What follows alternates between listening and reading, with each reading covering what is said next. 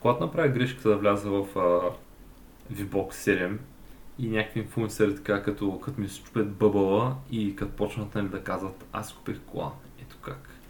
Аз си сложих цици, ето как. И така нататък. И някакъв толкова, а е направо много тежко приемам. И се решавам да искам да съм си в моето бъбълче, ама не ми се случват нещата. И ето ме третия епизод на подкаста, с който ви разказвам как съм скупил PlayStation 5. Сега ще кажете, то се парах ти човека, не хвали се какво. Не. Ам, основно го правя, защото има още недостиг на PlayStation, както и не само PlayStation, на, на този чип shortage е толкова лош, че то просто няма чипове. И се оказа, че Sony пускат наистина революционна конзола, която е да си и бе майката като характеристики и няма да влизам такъв детайли, защото щом слушате тази, този мой ще значи, сте по-запознат мен най-вероятно с това, какво може и какво не може новата конзола. Но просто е толкова, толкова напред от това, което се очаква и цената е наистина много впечатляваща. Двете конзоли са с абсолютно идентични характеристики. Едната просто има а, Blu-ray диск, а другата няма. Тя е Digital Edition.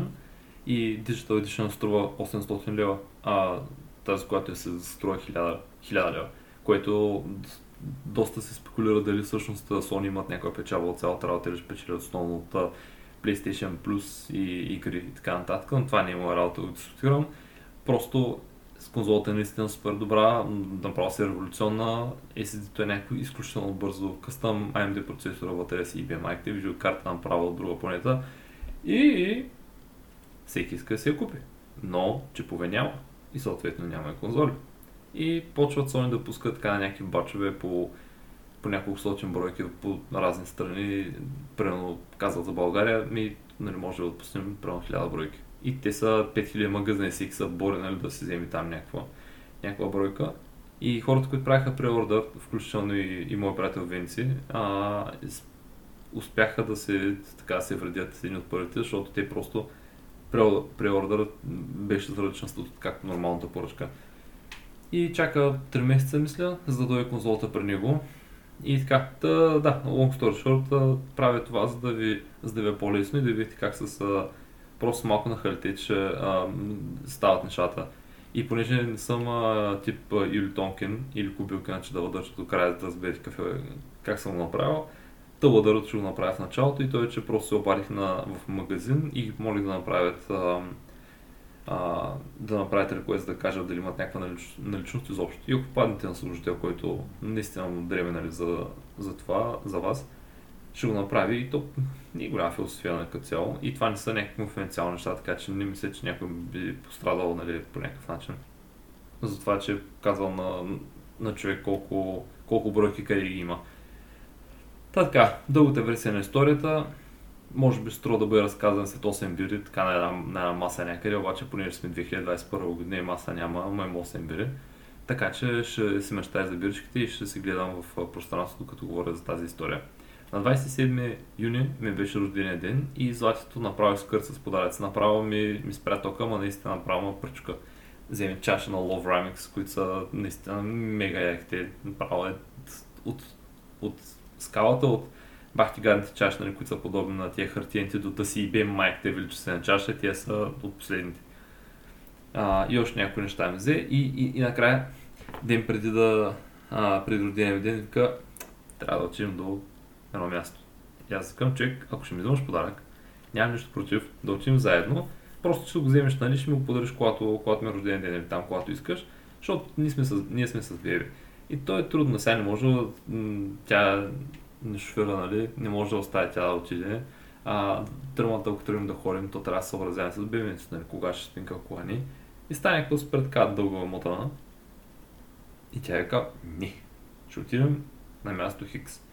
Ама ще му оставиш, аз ще повървя малко и ще намеря магазин. И след кратко нали, защото тя точно като трудно са, така са навиваш на някакви неща. И накрая, защото тя е от тия хора, които много държат да е истинска изненада и да, и да ти подарят на, на, на момента. Пък аз ако имам нещо, което е практичен подарък, нали, обикновено съм практичен подаръците, то ако помолим, ще го подарим една седмица по-рано. То, това си е за в крайна сметка.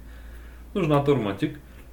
И отиваме в Техномаркет или Технополис. Бога ми наистина нямам представа, къде отивахме. Много ги бъркам те, те червените угаи почти на едни същи имена и почти на съща наличност, почти едни същи са хора там вътре. Трудно ми прави разлика. И, и както и да е, Влизаме вътре и аз някакъв съм, о, това е техника, това е техника. О, и по-ново време вървим, вървим, минаваме през щанда за книги, ти викам, о, книга. Минаваме през телефон, тя викам, what? Минаваме през телескоп, ти съм някакъв, what? И отиваме на PlayStation, за отиваме вика, взимай той да ходим. И аз някакъв, what the fuck? PlayStation 4 с на Clank Enter Ratchet като, като игра и втори джойстик или нещо, което съм някакъв, what? И тя, да, да, е, това ти е подаръка, нали? И беше някакво неудобно. Аз съм, what? И някакъв стоя там на срама, силно, че съм ученичка, която е видяла Киану Ри в същото време дошъл от скала, е такова нещо, нали, някакъв what? И съм с бебето в себе си, и бебето е някакво what? И аз някакъв what? И златина, аре. И аз някакъв такъв гледам и викам, човек, честно ли за рождение ще ми поддържа PlayStation? И тя, еми да, нали знам, че много се кефиш, пък аз наистина от един наш приятел бях взел на заем за една седмица да цъкам God of War, то просто това е, да играцията която, нали, естествено няма за компютър, пък дори да има за компютър на моя, на, на моя ултрабук, познайте дали ще тръгне, нали. И аз някакъв такъв стоя и в пълно време дилема почвам надига в главата. Сега PlayStation 4 или търся PlayStation 5. Обаче аз знам, че е доста насрана работа като цяло, защото, а, както всичко останало тук, PlayStation почнаха да се предлагат а, хората, които, първите хора, които си купиха PlayStation, почнаха да продават за по 2 бона или 2-2500 са между оферти в OLX. Той е някакво, what the fuck? Купуваш конзолата за ефтината, нали, която е Digital Edition за 800 лева, продаваш за 2500, нали? И хората си купуваха, защото просто няма. И както и да е, чудихме се, ваяхме се и викам за човек, дай ме една седмица, ако не се взема, ако не се намеря на PlayStation 5. Нали, връщаме се на версията за 4, аз първо се радвам, нали, просто разликата е много голяма. Наистина апгрейда беше много, много значителен. И тя някаква така навита, ама вика, ама то сега за рождения ти ден, нали, то другите неща са малки и пак тя от Хонг-Конг поръчва някакъв чаш човек, нали, може да се представиш. И, и това е в, прямо в Саута става. И, ако ихо в неделя, нали, там нищо не правихме, нямаше рождение, нали, просто пизяхме. И, и така. И почвам аз да звъня. И то някакви регистрационни форми. То озона ти вика има наличност Тоест, изгледа, че има нали, че цъкаш, нали, ще поръчваш. Камете, е, човек, това не е чак толкова сложно. И казват, еми, е, ти тук дай един имейл и, и хуй се ебеш, нали, защото няма наличност. В двата варианта и аз някакъв дох. И почвам да търся. Обърнах всичкото, всичкото интернет. Български интернет, всеки сайт, който предлагаше, търговски сайт, който предлагаше PlayStation 5 или поне беше включен като keyword в артикулите, сигурно го минах. И то, човек, те са супер много, обаче всички не предлагат на също нещо. И една а, черна точка. Аз така не се научих. Не е ли логично червена точка да е още пък черната да е хубавото, но както и да е, нали? В случая го ползвам за нещо, което не, не е много хубаво. И копелите от, от Citytel продават конзолата за 1700-1800 даже не знам дали е легално това. Не може да вземеш за 800 да я продадеш после за 1800 лева човек. Просто не става. Не, не, че не става, но сигурно ще имат налични да се ебат. Да прашаса там. Пък ми беше любим магазин за на телефони. Както и да е. И в техно маркет, аз тотално съм объркан, така че историята тъкмо ще я коректирам добре, нали? Техно маркет, технополис, нали? Както казах, за мен е едно и също нещо. И в единия от двата магазина гледам, че има някаква subscription форма и казват, сега, ако дойде на личност, пише тук имейла веднага и ще ти звъним нали, поред на, на това, което се е записал първи, втори, нали, FIFO. И давай направо ще, е, нали, ще, ще звъним, ако, ако дойде на личност. Аз към о, yes. И по с формата Enter и кур. Събмитвам втори под формата кур. Викам, ти сайта да не работи. What the fuck, пък то долу от SAP нали, е, е платформата, което не значи, че не може да се насереш някаква платформичка. Ма някак се очаквах, че няма да стане такова нещо да видя. И както да гледам някакъв сирев токен, го няма. И, и там с постмен позаболях само малко за половин час. И нищо не стана, извънях на тия в магазина и викам, добър ден, ти е добър ден. Търся PlayStation 5 и ми хубаво, нали? И ни търсим, а няма. Е, викам, добре, обаче тук има тя форма, нали? Ти, каква форма? Обяснявам, нали? Фейскор, че кое е майдето и ти, да, добре, и какво? Ми не мога се регистрирам там, нали? Човек пише си имейла и то не става. И като ми, то, то не знаем, толкова ще има наличност. И аз, окей, ама искам да имейла ми да е някъде сега. Да, в очакване съм. Ти да, ще ви какво ще направим. Затварям телефон, рефрешвам се 20 секунди вече формата я нямаше. И викам, човек, пах ти долния номер. и както не че някакъв кой знае какъв номер, да просто реагираха супер бързо, се направиха на малко на ударение. И почвам да бродя аз. Търся няма, търся няма, търся няма. И изведнъж в техно, техномаркет, сайта на техномаркет отварям нали, за 17 милиарден път на консолата и отдолу с червен, червена точка нали, пише, пише наличност в Бургас. И аз нали, червена точка, color coding, какво ви каза като видите червена точка, че има наличност или че няма? Нали, грешка, има наличност, това е малко. И аз някакъв съм, what the fuck? И сайта с урнито е някакъв what the fuck, и аз някакъв what the fuck, и агентът в еврей, който ме следи, той е what the fuck. И всички сме някакви такива очудени. И звъня аз и викам, добър ден, не, добър ден, ай, тук пише, че имате PlayStation 5.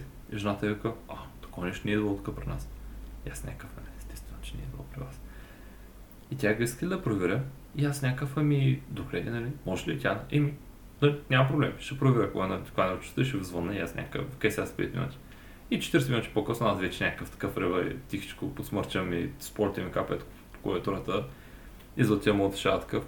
И ми звъни и вика, ами нямаме, и аз някакъв, нали, едно шир, шир, нали, да осъзна, че няма. Вика обаче другия бургаски магазин има. И аз някакъв, моля, и тя, да, да, има една бройка. Ма единствено в цялата страна в момента няма само тайма. И аз някакъв, какво? И тя, ми да, да, тайма, звъните на, на другия телефон. Аз някакъв, какво?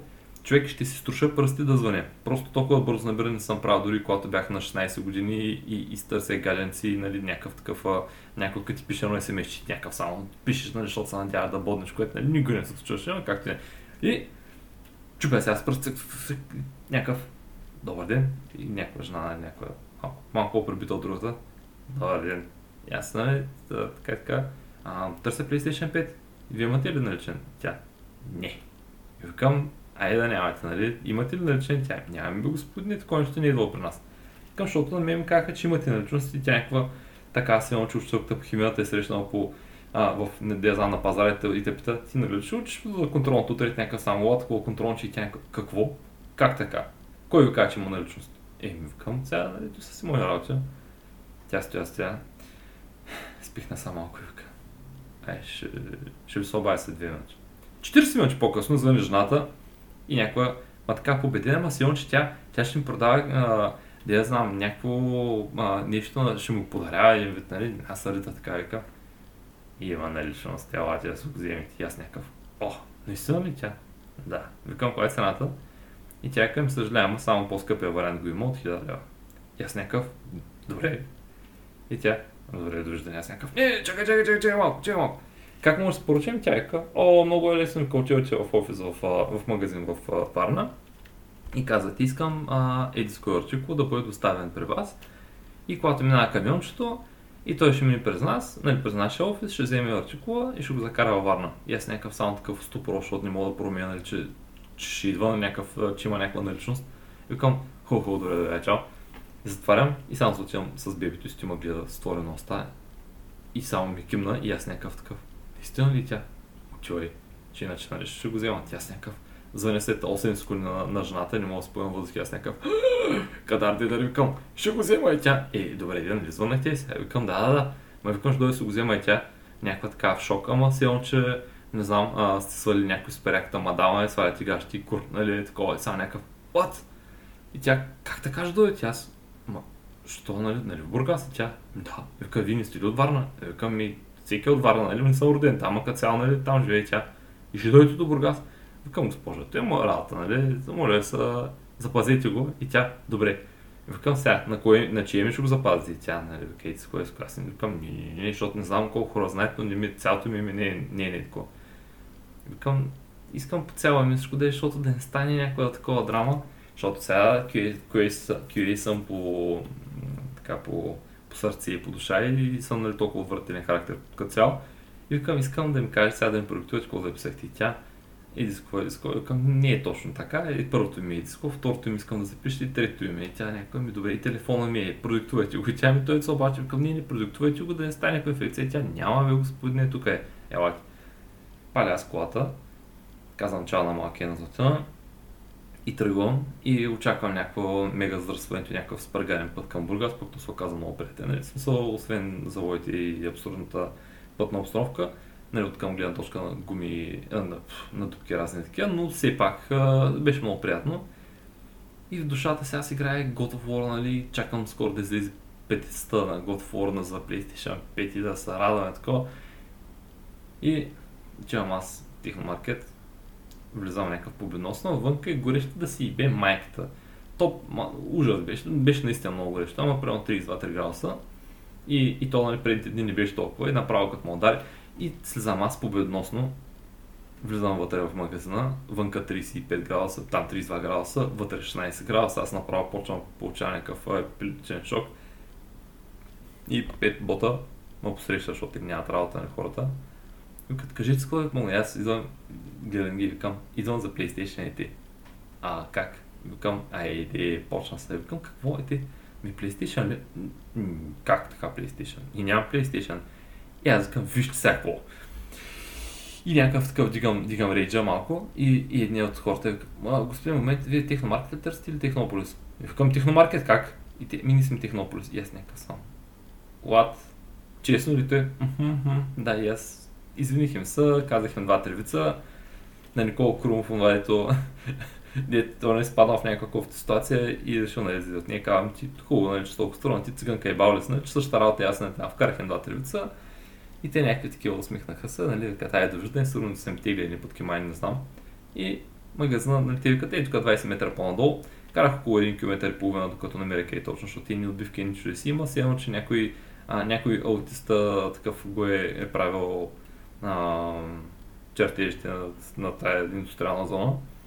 И влизам аз победоносно, и защото аз също не съм сигурен дали не са мои склатели, защото вече не знам какво става нали, покрай мен към техномаркет и тя жената някакво гледа към и да, не, техномаркет сме, аз към добре, хубаво.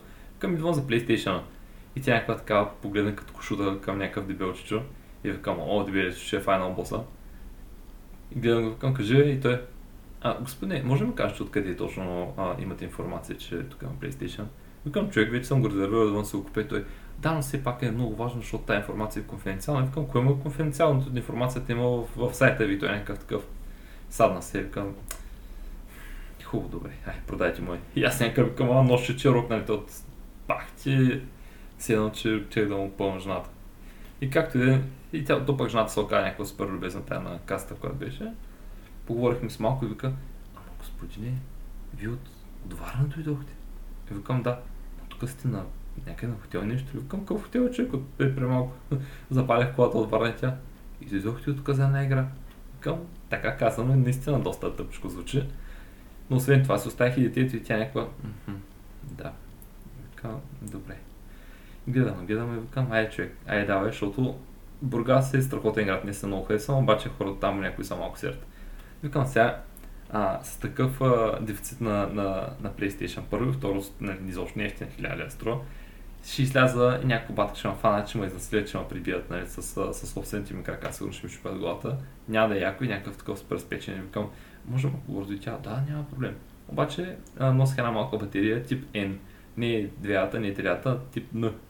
И на играчката на малкия там. Една. И те на варта имаха 100 вида батерии. Викам така батерия имате ли? Имам бързо ми кажете само да е ли. Едната жена Имаме. Викам добре, 20 минути търси. Човек, а, смениха ми се, не знам колко цвята на кожата, като някакъв, а, не знам какъв бях, като някакъв студент по неизпълнение на алгебра на ръчни кметря, който има бавни, кой, който е някакъв бавен, такъв и само някакъв стои и, и някакъв към хора, е, е, е, моля се, нали, такова. И ти, да, да, да, еми, и давам жената това на постера, ми хилидарка. И аз към, добре, нали? Тя, знаете, не ми как акцент на Бургас, Варна, добре. И плащам, аз тя и се фанах, че. Викам, да, бе. И тя, и, и викам, дайте да я видя. И, и там шефчето, който е някакъв въртилче такъв. И имаше отпетен куп с а, явно а, онлайн поръчки и си го паковат, нали, чака доставчика да дойде да, да, ги обере. И там по на купа он е вади някакъв картон. Ама той е някакъв супер кошар с картон, там за някой, някой скитник е спал там или някой куче преди това него. Дига картона и отдолу преди кучията на PlayStation 5, аз някакъв такъв само направо се надървех и он е човека вика. Аха. Ами, вие знаете ли, че много трудно са имали такива? Аз не знам дали ще заретим скоро пак и викам, аз за какво се чуди доход варна от такъв човек, той е някакъв. Да, ми ваше. Викам, може ли една турба на нещо, все пак, нали, мисля си да не му опъвам баските тук. И той каза, ми няма много е голяма тая, тая кутия, аз някакъв супер, дали, нали, приел съм съдбата, даже съм си взема някакъв възелин, някаква машина маса поне. Викам, що? И така, платих си я и, и, и се взех. И притишвам направо към колата, пък то вънка стана 4000 градуса, вече направо виждате ми почнаха да се възпоменяват от това от жега, целият пот, аз съм 105 кг, сещате се, направо беше биологична бомба беше покрай мене. Влизам в колата, заключих се и си викам, о е. И гледам PlayStation, направо не мога. И трябва да се прибирам и минах през някакъв магазин, взех назад там някакво малко подаръче. И така, прибрах се вкъщи, закачихме PlayStation, отворил го, нали, беше направо пф, религиозно. А, забравя да ви кажа нещо важно. На каста сама си жената, нали, само като малко преди да почва, той с момента почна и вика, мене ме задължава да ви предложа или една от тези игри, или джойстик. И аз някакъв само, защото знам, че те бяха Clash и, и някаква там и Last of Us, мисля, че е ремастър версията и, и втори джойстик. И аз някакъв си викам и, и едното да ме кара да взема и другото и двете заедно да ги взема, нали, пак съм супер доволен. Обаче не ми трябва за кой ме краш, примерно като аз, аз искам да си, да си стегля някаква игра от там, от, от някъде си цъка, нали, за кой ме аз искам God of War. Пък втори джойстик, нали, сте яко, ама те струват по 150 ля, нали, ай няма нужда, там 130 май бях. И гледам жената и тя някой беше супер неудобно и викам колко струва играта, тя викам и майкам 120-130 ля беше, викам не е задължително, нали тя? Еми, по принцип, макарат и викам, аз знам, че не е задължително, тя. Не, не, не е задължително, добре. Малко ще ми се карат сигурно после. Аз се влязах в положението на жената викам, но се извинявам, просто, нали, тази друга игра искам да играе. Тя, да, да, няма проблем. И тъй, и е, така се здобих с PlayStation 5. Морал на историята, надявам се, че не сте под 18, пък то аз като помня, аз като бях под 18, като бях сега ще направя, но както и да е. както каза старите хора, срам путка не бе. Нали така? Така че, а, бъдете малко по-нахални, то това не е нещо, а, нещо срамно или нещо лошо, просто питайте. И рано или късно хората ще, а, ще, ще някой нормален човек, който да иска да ви помогне. Спикинг че аз направих този запис преди няколко седмици в колата, обаче и си викам, мале, тя тая кола супер тихичка, така приятна за каране и аз тук ще само ми ще се чува, че някакво амбиент много приятно. И като чух записа после, то се че съм в някаква, някаква мина. Се че, абе, бах, и пил. Та да, не се получи, записах много. И а, през времето, когато, нали, естествено, между двата записа, ам, Озон почнаха да, почнаха да пускат някакви бройки. И нали не са много, там по някои бройки бяха единични цифри, предполагам, единични цифри според мен, но, но все пак нали, за време на време. И най-якото е, че в, в iOS се почнаха и пускат на доста по-ефтина сума. Ако нали, много сте зажадняли за PlayStation 5, може да намерите такъв за 1200-1300 лева, нали, съответно има и за повече. Но ако PlayStation има гаранция, пък защо трябва да има гаранция? Ако, има гаранция, а, съвсем спокойно може да вземете нещо на пазара, което е да не е най-ефтиното, но нали, малко над него би трябвало да е окей. В крайна сметка консолите са нови на по няколко месеца и с очудване установявам, че има хора, които просто и купуват да видят нали, какво е това революционното нещо, и всички говори за него, пък то отваря го и то няма никакви игри вътре, но Астро има нали, така, как, доста яка игра. Но като цяло, нали, като разберат по трябва да се плащаш игрите, някак са такива, как я продават, ако намерят някакъв скълбот, би било наистина супер. И така, ако имат някакви въпроси, проблеми или сте жената от, от Бургас, която ми даде информация за, за PlayStation, може да ми пишете, да ми се обаждате по телефона в 3 часа сутринта, да ми теглите една майна или да ми чупите джамите на колата. Това е. До нови срещи!